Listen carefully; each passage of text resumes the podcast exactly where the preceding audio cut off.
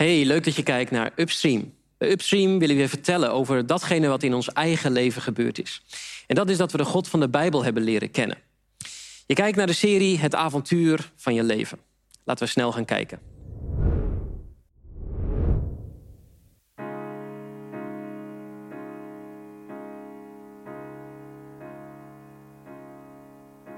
Ik wil niet gehoorzaam, en oppassend zijn. Ik wil niet fatsoenlijk, geremd en volwassen zijn. Ik ben niet van jou, nee, ik ben vrij.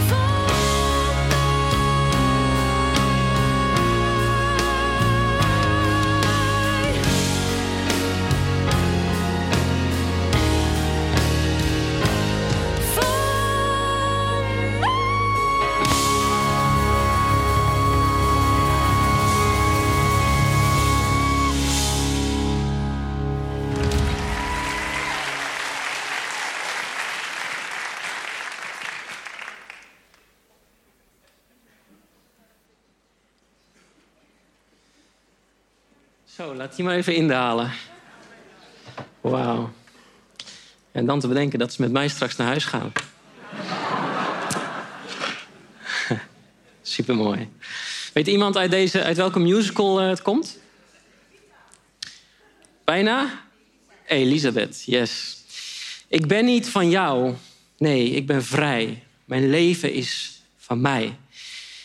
Zo schreeuwt Pia Douwes het uit in ehm, ja, de musical Elisabeth als uh, Sissy. En Sissy voelt zich gevangen als uh, keizerin van Oostenrijk. Ik weet niet precies meer welke eeuw, 18e eeuw denk ik ongeveer. En ze verlangt daar aan het, ja, in het paleis zeg maar, naar, um, naar vrijheid. En daar gaan we het vandaag over hebben, over vrijheid. Want vrijheid is een van de hoofdthema's van het Bijbelboek Exodus. En um, dat Bijbelboek dat staat centraal in de serie waar we in zitten. En dat is het avontuur van je leven. Want het Bijbelboek Exodus gaat eigenlijk over een groot avontuur. Het avontuur van het volk Israël, die um, gevangen zit in de slavernij van Egypte en zich daaraan ontworstelt, richting de vrijheid gaat. Maar dan komen ze in de woestijn terecht, eerst door een ruige zee en dan door een droge woestijn. En uiteindelijk, uiteindelijk bereiken ze dan het beloofde land. En elke keer kijken we naar een ander stuk van het verhaal. Um, en dan niet met het belangrijkste doel om het de historische verhaal te kennen, maar vooral om te zien wat dat verhaal, dat avontuur te zeggen heeft over ons eigen leven, over onze eigen, eigen avontuur als het ware. Nou, in de eerste twee delen hebben we gekeken naar het begin van het verhaal van de Exodus. En daar zagen we dat het verhaal, als je het gezien hebt, um, uh, dat het verhaal begon dat het volk Israël ja, opgesloten zit en op een verschrikkelijke manier door de farao wordt onderdrukt. Ze moeten zich werk, letterlijk doodwerken om de steden Pithom en Raamses te bouwen voor Egypte. En um, ook alle babytjes uh, heeft de farao heeft een opdracht gegeven dat alle babytjes verdronken moeten worden in de Nijl. En in die omstandigheden wordt Mozes geboren. Dat is eigenlijk de held van het verhaal. Um, en Mozes moet dus eigenlijk ook verdronken worden. Maar op een wonderlijke manier ontkomt hij daaraan en wordt hij zelfs prins van Egypte. Maar uiteindelijk verloopt zijn leven ja, heel anders dan dat hij een prins wordt. Want hij moet op een gegeven moment vluchten voor de farao. En dan gaat hij, komt hij in Midian terecht, een streek ten oosten van Egypte. En dan gebeurt er iets wat heel zijn leven op zijn kop gaat zetten. En dat is dat hij een brandende braamstruik ziet. En in die brandende braamstruik, volgens het verslag van de Bijbel, ja, is God. En God spreekt tot hem. En God geeft hem dan de opdracht om um, het volk Israël te gaan bevrijden uit de slavernij van Egypte. En Egypte, moet je begrijpen, was tot dan toe de grootste wereldmacht ooit. Um, nou, in de eerste twee delen hebben we uitvoerig en diepgaand stilgestaan bij dat moment bij die brandende braamstruik. En uh, in deel 1 ging het erover ja, dat dat de roeping van Mozes tot het grootste avontuur van zijn leven, dat dat iets zegt over het hoogste avontuur en de hoogste roeping voor jouw leven, voor mijn leven. Het ging over het avontuur van de liefde. En dat was een, de prachtige boodschap is dat dat avontuur bestaat. De confronterende boodschap was dat ja, iedereen, net als Mozes, die grootste, het grootste avontuur ten diepste ontloopt. Deel 2 stond uh, Karel uh, stil bij eigenlijk het moment net voor de brandende braamstruik. En dat is dat God tegen Mozes zegt: Doe je schoenen af, want je staat op heilige grond. En dat ging eigenlijk erover. Voordat je dat hoogste avontuur ja, ook maar durft te overwegen, wat kan je dan tegenhouden? Um, en het ging erover dat je de juiste dingen aandacht moet geven in je leven, omdat eigenlijk God overal om je heen is en binnenin je, als je hem wil zien. Maar ook dat als je in de buurt van God komt, um, dat het dan eigenlijk heel dubbel is. Want aan de ene kant zal de brandende braamstruik waar God in zit je verwarmen, maar aan de andere kant ja, zal het ook, zal al, al je dode hout, zei Karel, ja, verbranden. En um, nou, ik kan me voorstellen dat dit zo over je hoofd heen gaat... en dat je denkt, waar heeft die kerel het over? Uh, als je het gemist hebt, het komt allemaal online op www.upstream.café. En we hebben ook een podcast op um, Apple en Spotify. En dan kun je het allemaal terug horen. Um, maar we gaan nu verder vandaag met deel 3 in de serie. En die gaat dus over vrijheid onder de titel... De vijand waartegen je vecht. Maar voordat ik de diepte inga, wil ik eerst wat mogelijke obstakels wegnemen. Want ik kan me goed voorstellen dat je ja, moeite hebt met alles wat er zojuist voorbij kwam. Bijvoorbeeld dat er een God is die praat met mensen en dat er allerlei wonderen gebeuren. Um, en dat nemen we heel serieus bij Upstream. En regelmatig hebben we daar ook ja, hele bijeenkomsten over. Maken we daar video's over. En die kun je allemaal terugzien op www.upstream.café. Dus we gaan dat niet uit de weg. Alleen deze specifieke serie heeft een ander doel. En daarom ja, nemen we even het verhaal aan zoals het er staat. Ehm, want de Bijbel heb ik ontdekt, heb ik zelf ontdekt in mijn leven, werkt eigenlijk net zoals tikkels. Dat zei ik in deel 1 ook al. Zijn er liefhebbers van tikkels? Ja? Dan heb ik zo nog een eh, verrassing. Die hou ik nog eventjes bij me. Maar de Bijbel werkt eigenlijk net zoals de slogan, de, het titeltje wat ook op de tikkelsverpakking staat. En dat is hard van buiten, maar zacht van binnen. Als je gewoon een Bijbeltekst leest, ja, dan doet het nog niet heel veel. Wa- Waarschijnlijk is het gewoon informatie. Maar als je erop gaat kouwen en als je het persoonlijk maakt en, en, en, en er echt over na gaat denken, ja, dan kom je bij de zachte kern. Eigenlijk net zoals bij tikkels. En ehm, dan kom je erachter dat de Bijbel, en niet het verhaal van de Exodus, maar eigenlijk heel de Bijbel je op elke bladzijde een spiegel voorhoudt. En eigenlijk ja, iets persoonlijks tegen je wil zeggen. En als je in die spiegel durft te kijken, ja, dan kom je bij die zachte kern. En dan, ehm, ja, dan, dan, dan gaat het echt over jou en mijn leven. En ik hoop dat dat vandaag ook wat duidelijker wordt. Dus laten we verder gaan kouwen op het verhaal van de Exodus. Nou, nadat Mozes door, ehm, door God geroepen is, gaat Mozes terug naar Egypte om eigenlijk de, de opdracht van God uit te voeren. Ik zie hem staan hoor, dus ik ga hem niet omtikken. Dus eh, richt je aandacht niet op het glas water. Ehm, en eh, hij gaat naar de farao toe om de vrijheid op te eisen eh, van het volk Israël bij de farao. En samen met zijn broer Aaron gaat, gaat hij dan tien keer naar de farao toe. En elke keer zegt hij, laat mijn volk gaan. Maar elke keer, misschien ken je het verhaal... ehm, laat de farao het volk niet gaan. En wat gebeurt er dan? Dan komt er elke keer nadat de farao nee zegt... een plaag over Egypte. En elke, als je daar dieper naar gaat kijken... dan lijkt elke plaag eigenlijk tegenover een Egyptische afgod te staan.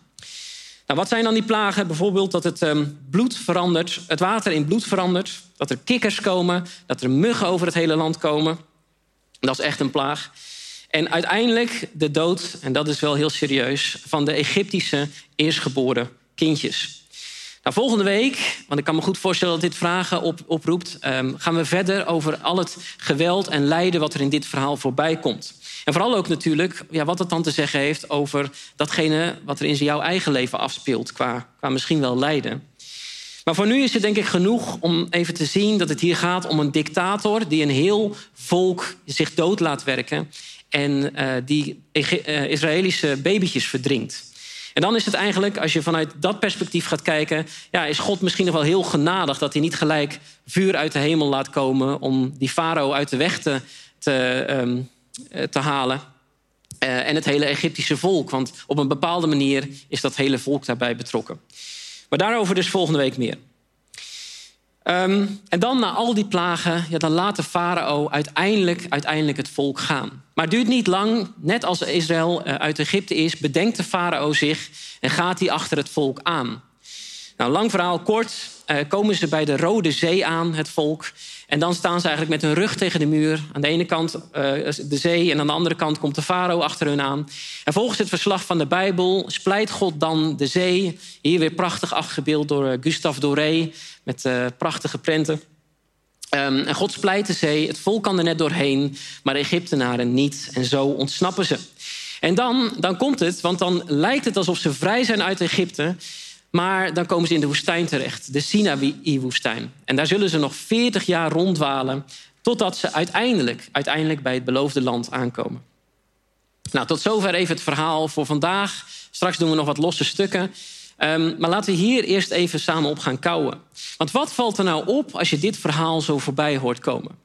Nou, ik heb al wat voorwerk gedaan afgelopen weken. En ehm, het eerste wat opvalt is ja, dat er iets enorm onlogisch lijkt. Want waarom haalt God het volk uit Israël, uit de slavernij, uit een soort gevangenis, om dan vervolgens ja, opgesloten te raken in de woestijn? Eh, Ja, hoe, hoe, hoe bedoel je dat? Nou, op het eerste gezicht lijkt dat onlogisch, maar als je dan het hele verhaal gaat, gaat uitpluizen en gaat lezen, dan zie je steeds meer dat God eigenlijk het volk iets wil duidelijk maken. En de boodschap van God is: hey, je bent misschien vrij uit Egypte, maar dat betekent niet dat je echt vrij bent. Die woestijn is een beeld ja, dat de Israëlieten nog steeds op een bepaalde manier gevangen zitten, ook al zijn ze uit de slavernij van Egypte. En God wil het volk naar het beloofde land leiden. Dat, dat zie je op elke bladzijde. Hij wil niets liever. Maar blijkbaar is, het, is er een woestijn voor nodig om het volk Israël ja, dit inzicht te geven. En dat is best een diep inzicht wat de Bijbel hier geeft. Want soms is er dus blijkbaar lijden nodig om tot een dieper inzicht te komen. En uh, de Ierse schrijver C.S. Lewis, die uh, erg dicht bij mijn hart ligt, waar ik veel ontzag voor heb, die verwoordde deze noodzaak dat er soms lijden voor iets nodig is om verder te komen, om dieper te komen, om tot een inzicht te komen, uh, als volgt. Hij zei: God fluistert um, tot ons in onze vreugde. Hij spreekt in ons geweten, maar hij roept luid in ons lijden. Dat lijden is de megafoon om een dove wereld wakker te schudden. Nou, soms is lijden dus de enige weg naar een betere toekomst. Maar daarover volgende week meer. Het eerste dus dat opvalt in dit hele verhaal, dit stuk van het verhaal, is dat Israël dus nog steeds niet vrij is. Maar er is nog iets wat opvalt. En dat is de manier waarop God hen deze keer helpt. Want in Egypte heeft God hen letterlijk bevrijd van de Egyptenaren. Letterlijk uit dat land gehaald en uh, naar buiten Egypte geleid. Maar dit keer ja, um, laat God helpt God hen wel, maar hij bevrijdt ze niet helemaal. Hij geeft ze een hulpmiddel. En dat hulpmiddel, dat is de wet. Daar gaan we straks nog wat dieper naar kijken. Maar in die woestijn ontvangt uh, het volk Israël een wet, een set regels eigenlijk. Een set leefregels um, voor het leven. En als je hierop gaat kouwen en het persoonlijk gaat maken... dan kom je uiteindelijk, net als in deel 1, tot een um, hele positieve boodschap. Een prachtige boodschap, maar ook een hele confronterende boodschap. Enerzijds is de prachtige boodschap ja, dat je werkelijk vrij kunt worden. En die, dat die vrijheid, waar het in de Bijbel over gaat... Ja, dieper gaat dan wat voor vrijheid je ook maar voor kunt stellen. En de wet speelt daar een belangrijke rol in, gaan we straks zien. Maar er is ook een confronterende boodschap. En dat is er eentje die best in eerste instantie beledigend over kan komen. Dat is namelijk de boodschap dat de Bijbel zegt: niemand is van nature vrij. Iedereen is ten diepste ergens een, een slaaf, zit ergens gevangen. Um, en dan kan ik me voorstellen dat je denkt: ja, ja, hoe bedoel je dat? Want ten eerste, ik ben geen slaaf. En ten tweede, leef ik in het meest vrije land bijna, of misschien is het wel het meest vrije land op aarde. Nederland is, staat bekend als een heel vrij land. Dus ja, hoe bedoel je dat precies? Nou, daarvoor moeten we eerst wat dieper kijken naar wat vrijheid eigenlijk is en hoe we vandaag de dag, hoe jij en ik, naar vrijheid kijken. En um, ja, sommige mensen houden niet zoveel van filosoferen, ik wel. Maar we moeten een klein stukje filosoferen om uiteindelijk, hoop ik, zo concreet mogelijk te maken. Om echt helemaal bij je leven van dag tot dag te komen. Maar eerst dus een klein stukje filosoferen. Uh, over vrijheid. En het meest duidelijke voorbeeld en het meest bekende voorbeeld waarschijnlijk is de Disney-film Frozen. Daarin wordt iets heel treffends gezegd over uh, hoe we vandaag de dag naar vrijheid kijken. Daar zit dit regel, regeltje in. Um, en het zit specifiek in het liedje Let It Go, laat het gaan. Misschien ken je het wel van de radio of zo. Er zit dit um, zinnetje in: geen goed, geen fout, geen regels voor mij. Ik ben vrij. En dit regeltje geeft exact ja, de moderne opvatting weer over hoe we vandaag naar vrijheid kijken. Eigenlijk niemand vertelt me hoe ik mijn leven moet leven. Geen regels, geen wetten, geen beperkingen die een ander me oplegt. Alleen mijn eigen, mijn eigen waarheid, hoor je dan soms. Hè? Maar wat wil dat nou eigenlijk zeggen, al dat soort uitspraken over vrijheid? Het zit niet alleen in deze Disney-film, je komt het overal uh, tegen. Het zit overal eigenlijk in. Nou, eerst is het denk ik goed om te zien dat, hoewel het lijkt dat meer vrijheid altijd beter is, dat het tegenovergestelde eigenlijk waar is. Wat, wat, ik zelf bij mezelf merk is dat ik soms de indruk krijg dat vrijheid zo'n zo'n lekker woord is, wat je eigenlijk in alle reclames kan gebruiken, of, of waar dan ook, of in zo'n film. En dan krijg je de indruk dat meer vrijheid altijd beter is. Um, maar dat zie ik ook helemaal niet om me heen. Als ik naar mijn eigen leven kijk en naar iedereen om me heen, dan zie ik eigenlijk dat iedereen vrijwillig zich juist heel veel vrijheid afneemt, heel veel beperkingen oplegt, um, in plaats van maximaal vrij te willen zijn. En dat is ook logisch, want eigenlijk staat vrijheid in de weg van de meest waardevolle dingen in het leven. Want de meest, waardevolle dingen in het leven... die vragen juist altijd dat je een stukje vrijheid... of juist heel veel vrijheid opgeeft. Om een simpel voorbeeld te geven, als je de piano wil spelen... Ja, dan kan je als je jong bent even niet met je vriendjes spelen. Of heel veel niet met je vriendjes spelen. En ja, moet je dus eigenlijk heel veel opgeven om dan uiteindelijk het hogere doel te bereiken. Datgene wat veel meer voldoening geeft om, ehm, om de piano te kunnen spelen. Nou, zo is het ook als je verliefd wordt. Dan geef je eigenlijk alle mannen en alle vrouwen, mannen of vrouwen, op op deze wereld. Om het hogere doel met die ene te bereiken, om de liefde te ervaren. Nou, als je kinderen krijgt, dan zit je helemaal gevangen. Dan heb je helemaal geen vrijheid meer. Maar natuurlijk ook vanuit een hoger doel. Om dan uiteindelijk ja, een mooi gezin te zien ontstaan. Dat hoop je op. Um, of uh, ja, hun een mooie toekomst te geven. En de conclusie is dus dit. Niemand wil ten diepste een onbeperkte vrijheid. Maximaal vrij zijn door een, een veld huppelen. Weet je wel, zo'n beeld zie je dan soms. Je wilt je vrijheid ten diepste juist beperken. Je wilt bepaalde offers brengen. Je wilt bepaalde vrijheden opgeven, zodat je uiteindelijk een hoger doel bereikt. En dat hoger doel ja, is dan een doel wat je diepste verlangens vervult. Ik heb het even zo samengevat. Je wilt ten diepste dus een beperkte vrijheid, niet een maximale vrijheid. En een vrijheid die dan beperkt is, maar waarbinnen je diepste verlangens worden vervuld. Nou, voor we hierop verder gaan, ben ik wel benieuwd of je hier iets van herkent. Hè? Misschien heb je jezelf wel eens, ook wel eens beperkt om uiteindelijk een hoger doel te bereiken. Misschien heb je ook uh, ja, uh, je beperkt om de piano te leren spelen.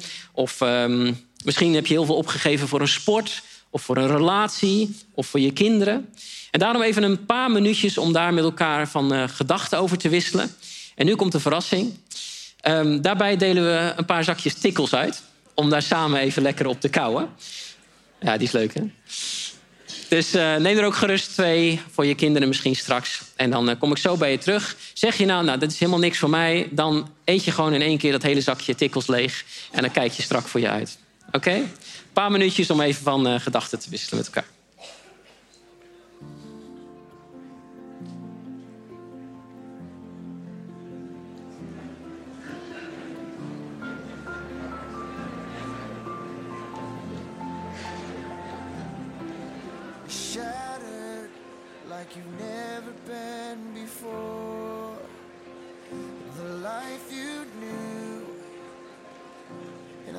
Thousand pieces on the floor. And words fall short in times like these. But this world drives you to your knees. You think you're never gonna get back to the you they used to be. Tell your heart to beat again. Close your eyes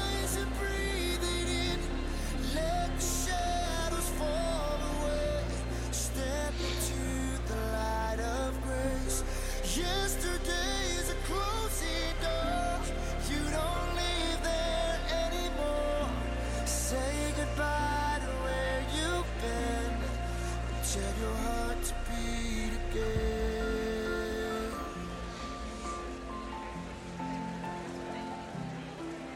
You can eat You just let that word wash over you. It's alright. Love's healing hands have pulled you through. So get back up, take step one. Leave the darkness, feel the sun. Cause your story's far from over, and your journey's just begun. Tell your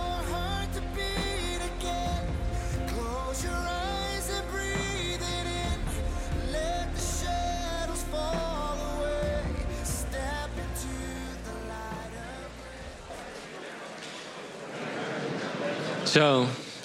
Zullen we verder gaan?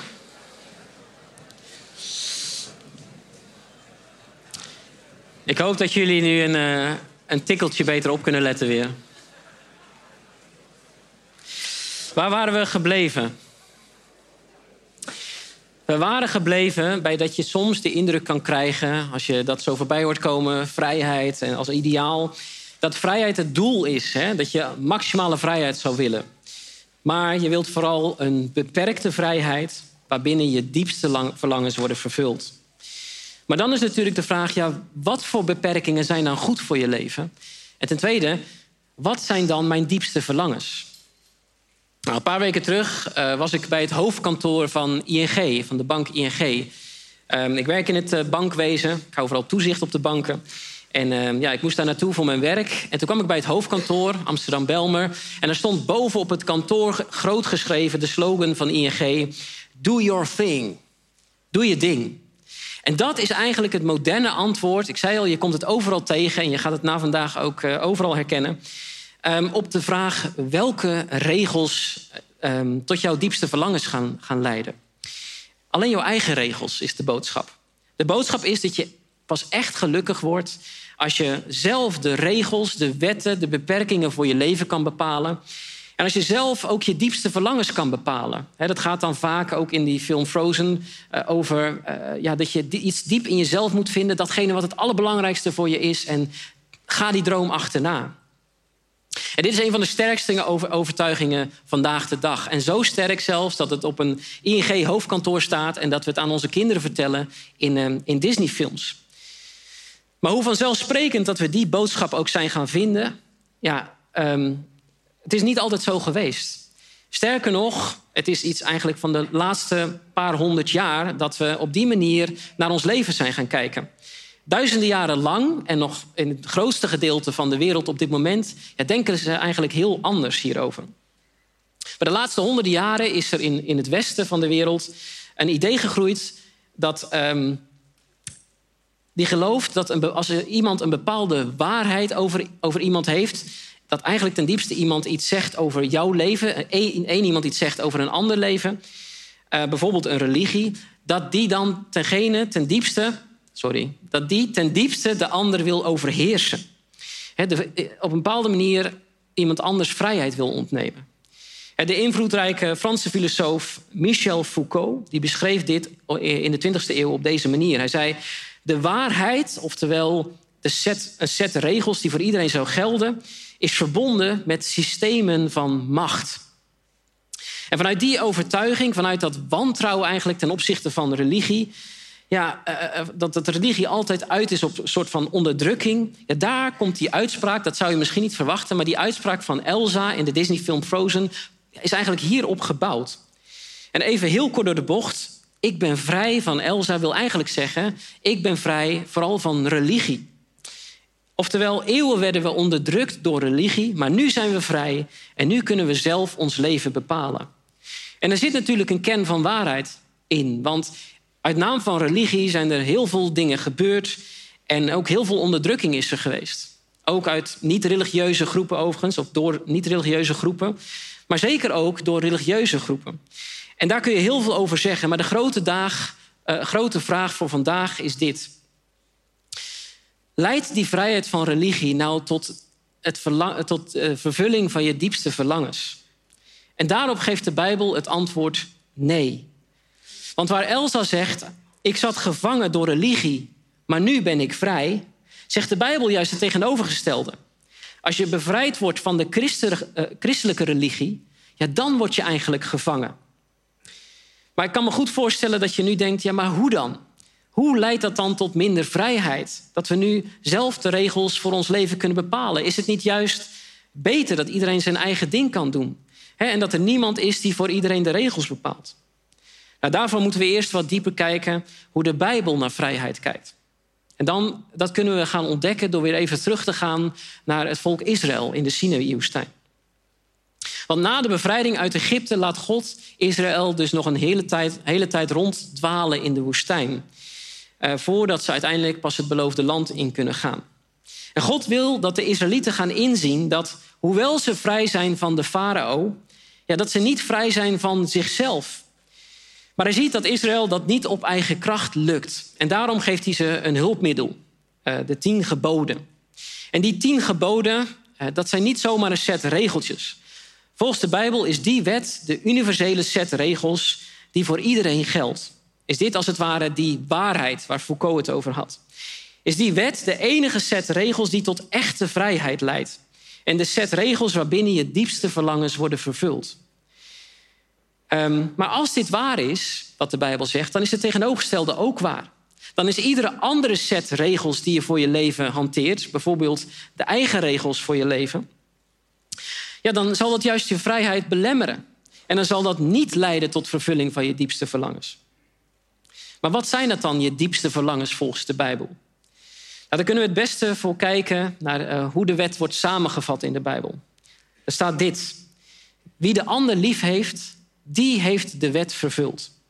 Oftewel, die hele wet die God geeft daar aan het volk Israël in de Sinaï-woestijn, die draait om, om liefde. En eigenlijk zegt God eh, met de wet dit.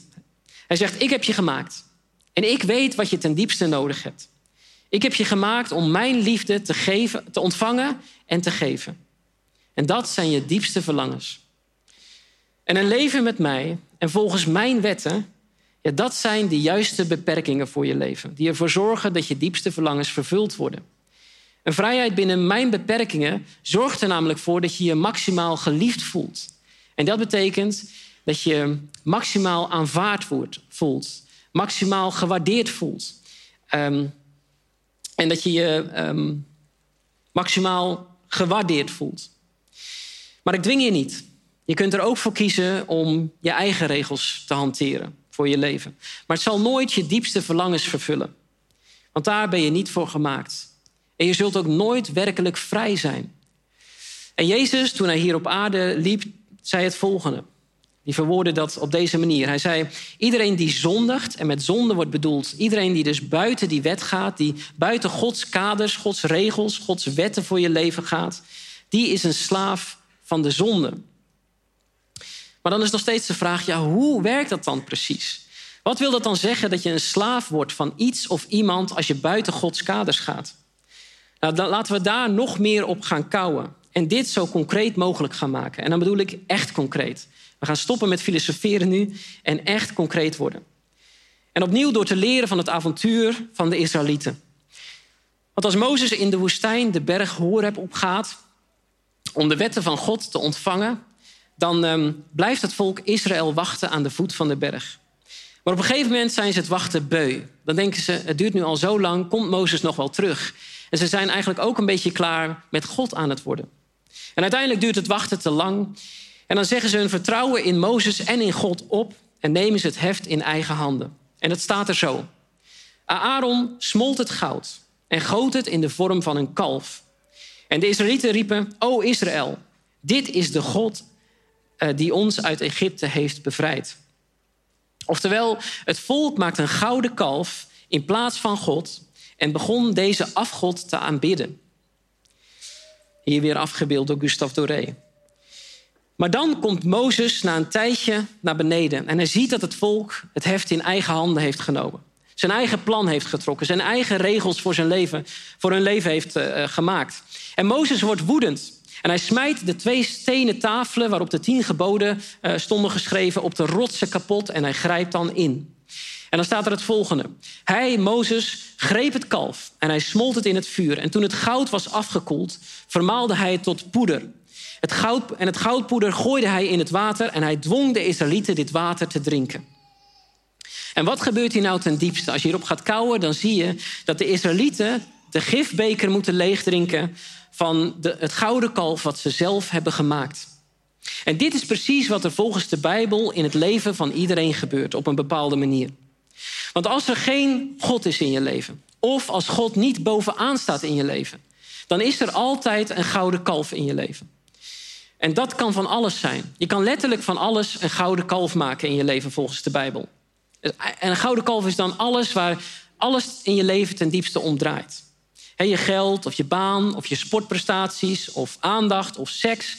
Maar zelfs de liefde van je man of je vrouw of je kinderen kan een gouden kalf voor je worden. En begrijp me goed, het zijn allemaal prachtige en goede dingen, totdat het zo belangrijk wordt dat het een God voor je wordt, een afgod, een gouden kalf.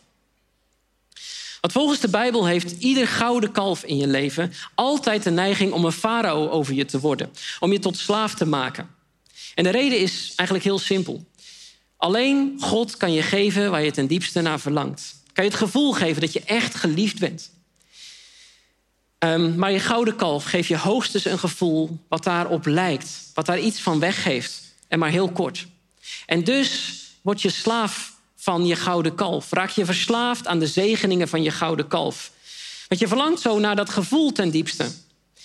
Maar dat gaat steeds weer weg. En dus heb je steeds iets nieuws nodig.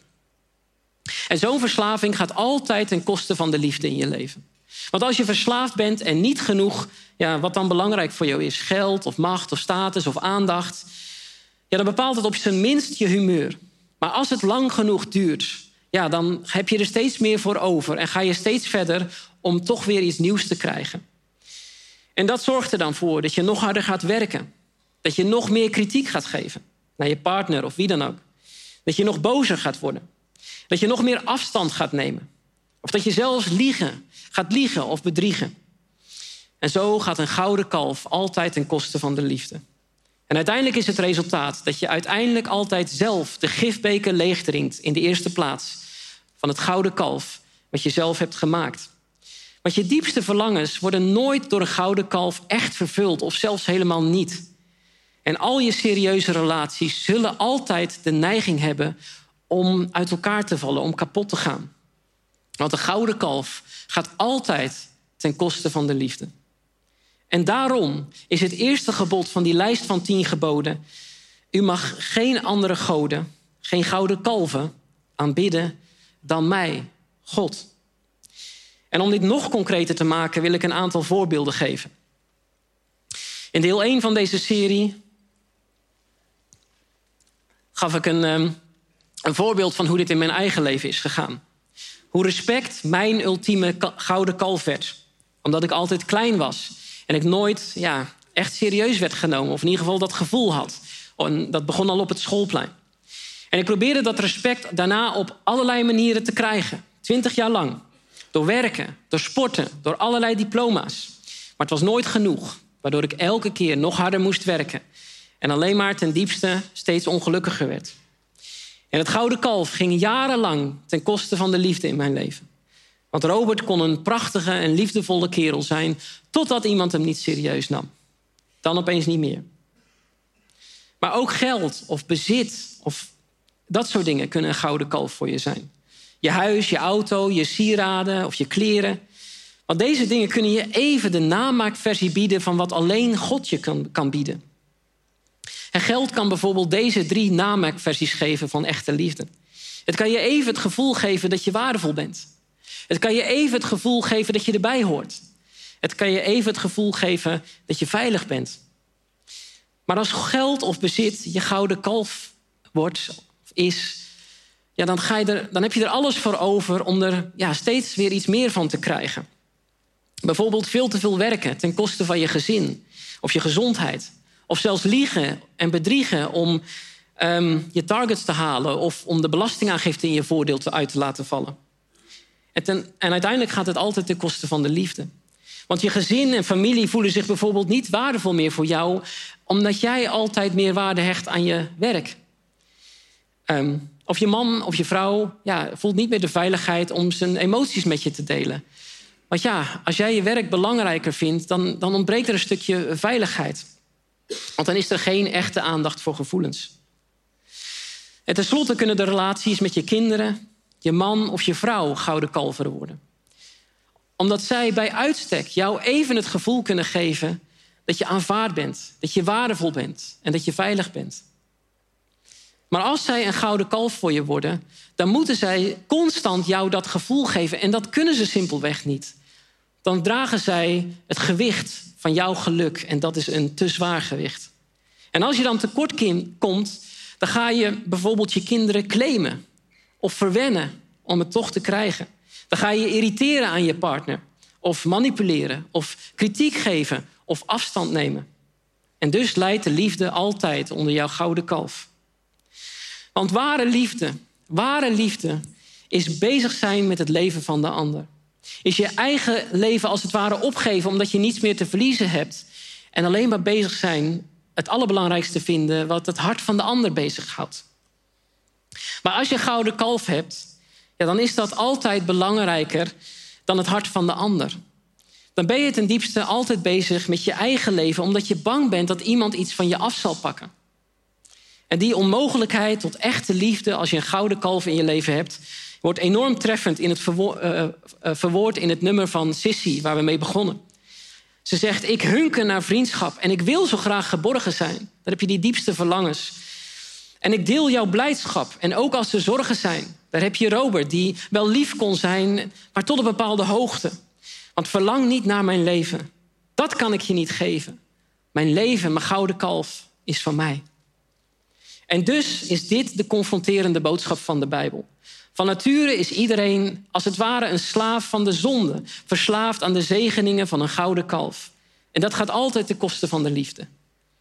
En de vijand waartegen je vecht, het thema van vandaag, is dus niet zoals Foucault zou zeggen, iemand anders in je leven. Of iets buiten je. Maar de diepste vijand in je leven waartegen je vecht, volgens de Bijbel, ben jezelf. Maar er is gelukkig ook een positieve boodschap. En daar gaan we nu lekker naartoe. Want die boodschap is dat je werkelijk vrij kunt worden volgens de Bijbel. En die boodschap overtreft werkelijk alles. En ik wil je dat heel graag vertellen. Tot nu toe hebben we gezegd dat de wet je vrij kan maken. Dat als je volgens Gods wetten leeft, dat je binnen die kaders leeft, dat je dan op een bepaalde manier werkelijk vrij wordt, omdat dan je diepste verlangens vervuld worden.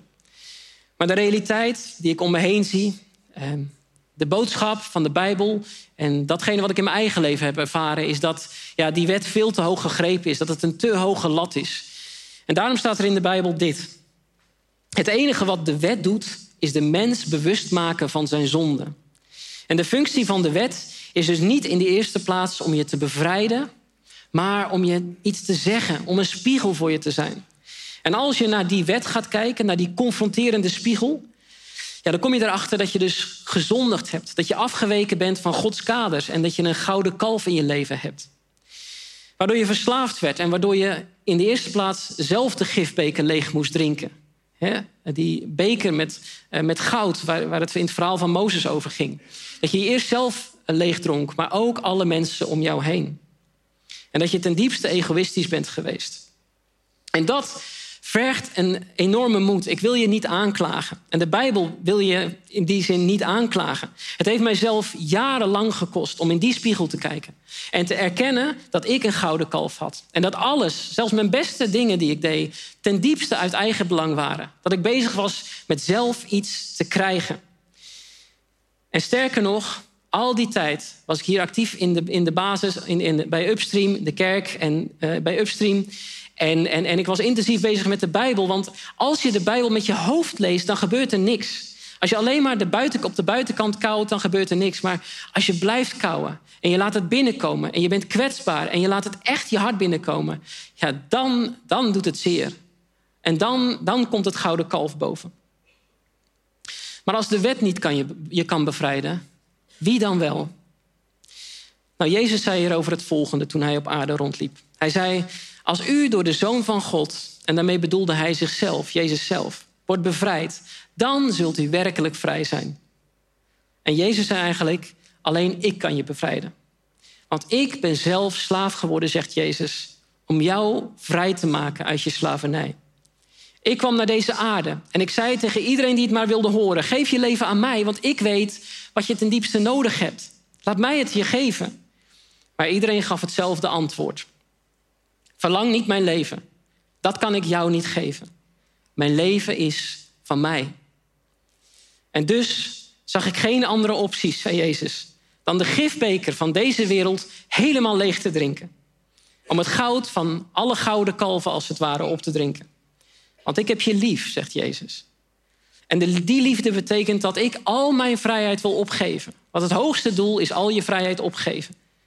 Voor de ander. Ook al kost het je leven. En daarom koos Jezus ervoor om al zijn vrijheid op te geven. En als een slaaf gruwelijk te sterven aan een kruis. Om op die manier te zeggen: Jij hebt gezegd, mijn leven is van mij. Maar weet je, mijn leven, zegt Jezus, is van jou. En in de Bijbel staat dat zo. Hij, Jezus, legde zijn grote macht en heerlijkheid af. Nam de gestalte aan van een dienaar. In een andere vertaling staat slaaf. En werd een mens. En herkenbaar als mens vernederde hij zich. En gehoorzaamde tot het uiterste. Hij gaf al zijn vrijheid op. Zelfs tot in de dood aan het kruis.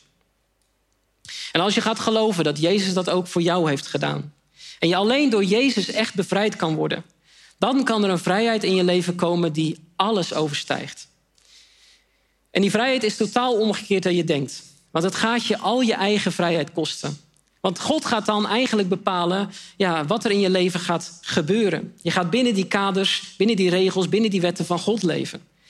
Maar het gekke is dat dat je vrijheid geeft die alles overstijgt. En ik wil afsluiten met dat die vrijheid niet zweverig is, maar super concreet. Want ten eerste kun je door de liefde van God vrijkomen over alle liefdes, alle, alle leugens over jezelf. Want de liefde van God die je ziet in dat ontzettende, ja, mooie, maar ook verschrikkelende, maar liefdevolle offer van Jezus, die laat de waarheid zien over hoe God naar jou kijkt. Los van alles wat iedereen ook maar ooit over jou gezegd heeft. Je ouders, je broertje, je zusje, je klasgenoten, je collega's, wat dan ook. Wat ze ook hebben gezegd of aangedaan. Want aan het kruis zegt Jezus dit. Hij zegt, jij bent mij zoveel waard dat ik mijn leven voor jou heb opgegeven. En je bent veilig, want je mag bij mij komen en ik ga je niet straffen, want ik heb zelf die straf voor je gedragen. En je bent aanvaard, want je bent net zo welkom als iedereen, hoe je er ook uitziet of wat je ook gedaan hebt.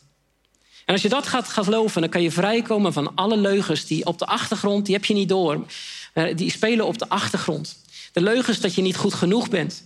De leugen dat je er niet bij hoort. De leugen dat je geld, je baan, aandacht, seks, wat dan ook je gelukkig gaat maken. Dus vrij van leugens. En als je dan langzaam vrijkomt van al die leugens, dan kom je vrij van je gouden kalf. En dat is super lastig, want dat is hetgene waar je al je, je hoop op hebt gebouwd in je leven. Maar als je die leugens gaat loslaten, dan ga je je door God laten vullen, door zijn liefde.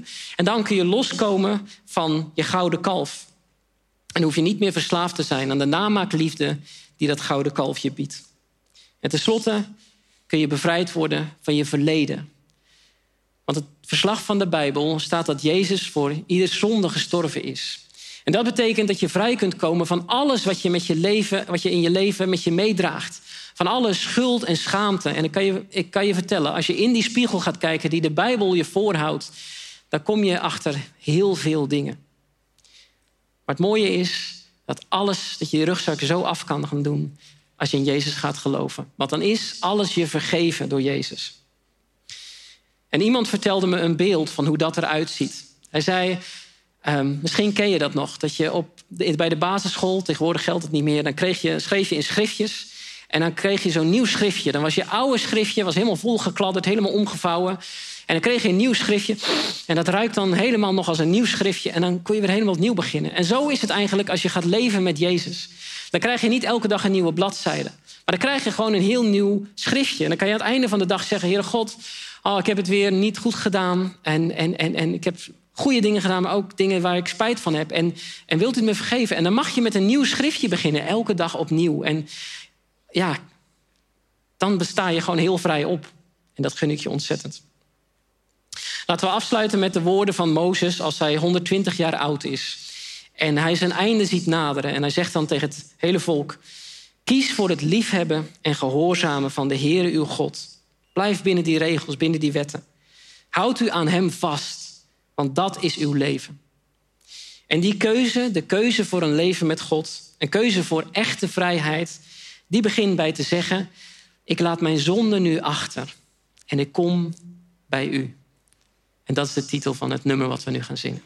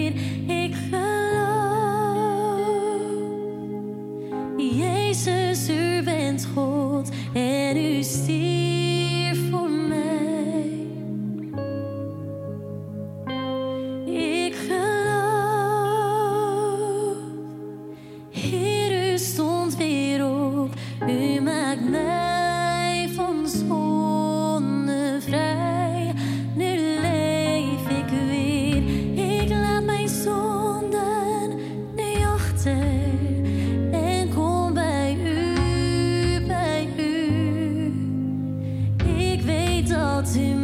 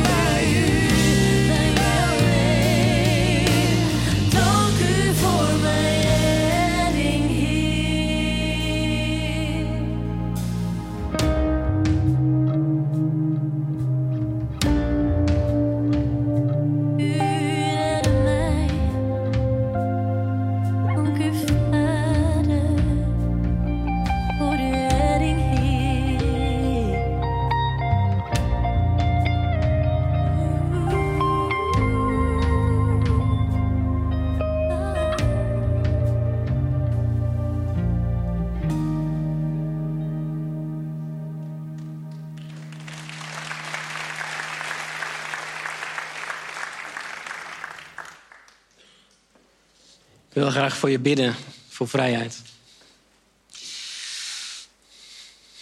Heere God, Vader, zoals ik u mag noemen. Ik ehm, ben blij dat ik vandaag dit mag delen. Maar ik weet ook dat ehm, iedereen zo op zijn eigen punt staat in zijn leven, Heer. En ehm, het is zo moeilijk om in uw spiegel te kijken. Om te erkennen wat er allemaal ten diepste gaande is binnenin ons. En, maar u kan ogen openen. En dat geloof ik, dat heb ik zelf ervaren. En daar wil ik vanochtend voor bidden. Heer, ehm, ja, als u onze ogen opent, dan gaan we zien waar we voor gemaakt zijn. De prachtige dingen, Heer. Wat u kan bieden. Een leven met u, ondanks dat alles ja, zo, zo gebroken is in deze wereld.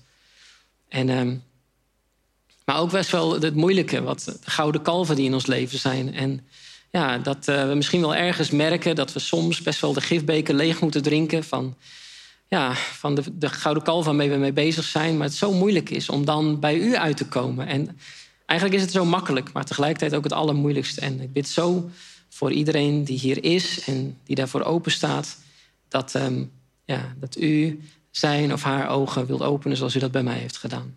En ehm, ja, wilt u dat eh, gaan doen? Vanaf deze dag En ik hoop niet dat we teleurgesteld zijn als we, dat vandaag niet gebeurt. U gaat een reis met ons op avontuur. En ik hoop dat, uh, ja, en ik weet dat als wij met u oplopen, dat u dat met ons sowieso doet. En uh, ik bid voor dat u onze ogen opent. Amen. Ja, dan zijn we alweer bijna aan het einde gekomen. We gaan zo nog luisteren naar één prachtig nummer. Maar misschien dat je verder wilt praten over alles wat er voorbij is gekomen. Neem dan snel een kijkje op onze website www.upstream.café. Daar vind je ook nog veel meer Upstream video's en kun je ontdekken of dat er een Upstream café bij jou in de buurt zit.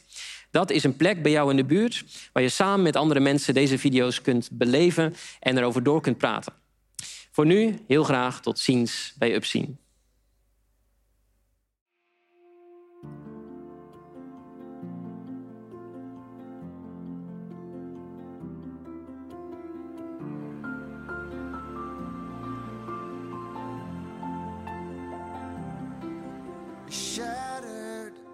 Like you've never been before.